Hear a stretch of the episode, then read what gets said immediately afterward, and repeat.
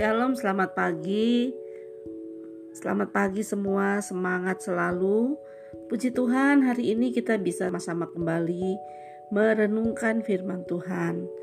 Terambil dari kitab 2 Petrus pasal 3. Surat surat Petrus yang kedua, pasalnya yang ketiga dan merupakan surat terakhir dari kitab uh, yang dituliskan oleh Rasul Petrus.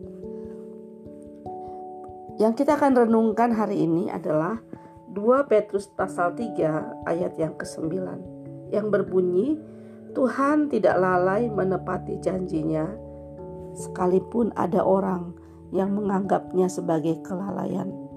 Tetapi ia sabar terhadap kamu karena ia menghendaki supaya jangan ada orang yang binasa melainkan supaya semua orang berbalik dan bertobat.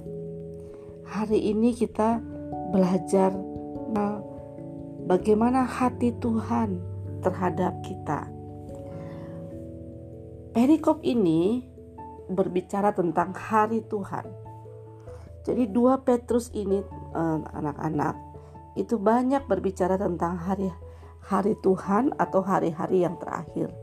Apa yang terjadi pada saat hari-hari terakhir menjelang uh, kiamat.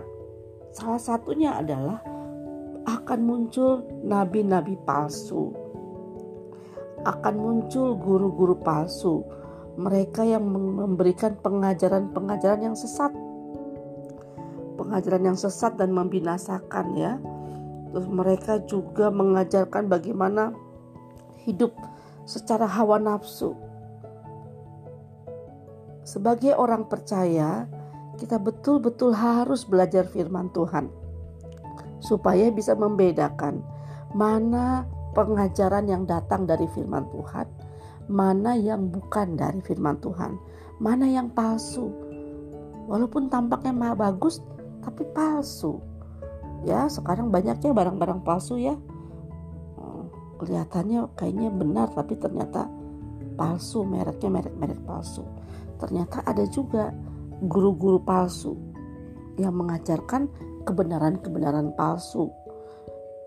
Nabi-nabi palsu yang mengajarkan kebenaran-kebenaran yang palsu juga.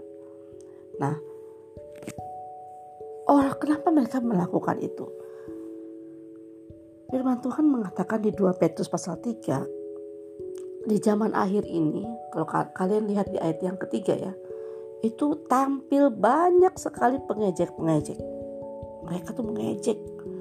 Mereka tuh pikir gini loh, ah Tuhan bilang datang-datang, katanya sebentar lagi kiamat, sebentar lagi hari kedatangan Tuhan. Mana buktinya? Santai aja bro gitu. Ya mereka bilang di mana janji kedatangannya? Dari dulu zaman dahulu nenek moyang kita juga katanya hari-hari terakhir ini. Tapi apa buktinya? Ya mereka bahkan mengejek satu sama lain.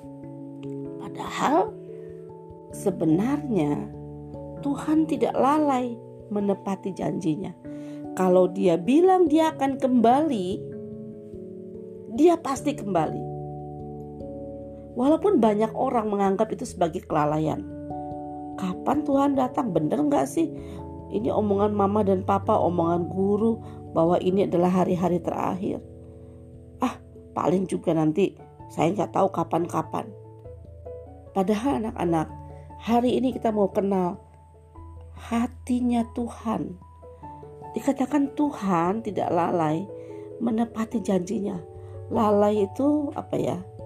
Lalai itu Tuhan itu tidak uh, gagal pasti dia berhasil. Dia gak mungkin lupa menepati janjinya.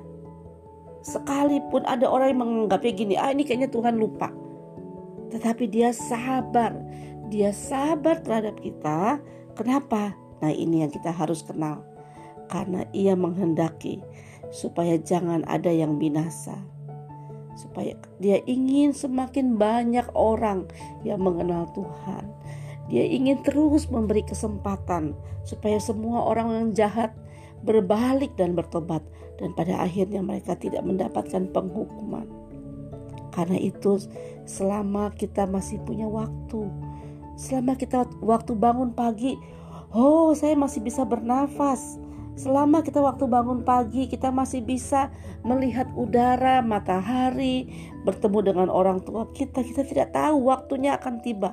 Jangan pikir bahwa karena masih kecil, saya masih masih panjang usia saya.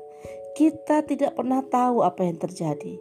Tetapi kalau kita masih punya waktu, ingatlah untuk selalu berbalik dan bertobat.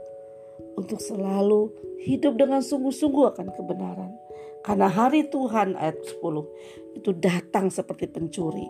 Gak ada orang yang tahu kapan datangnya pencuri.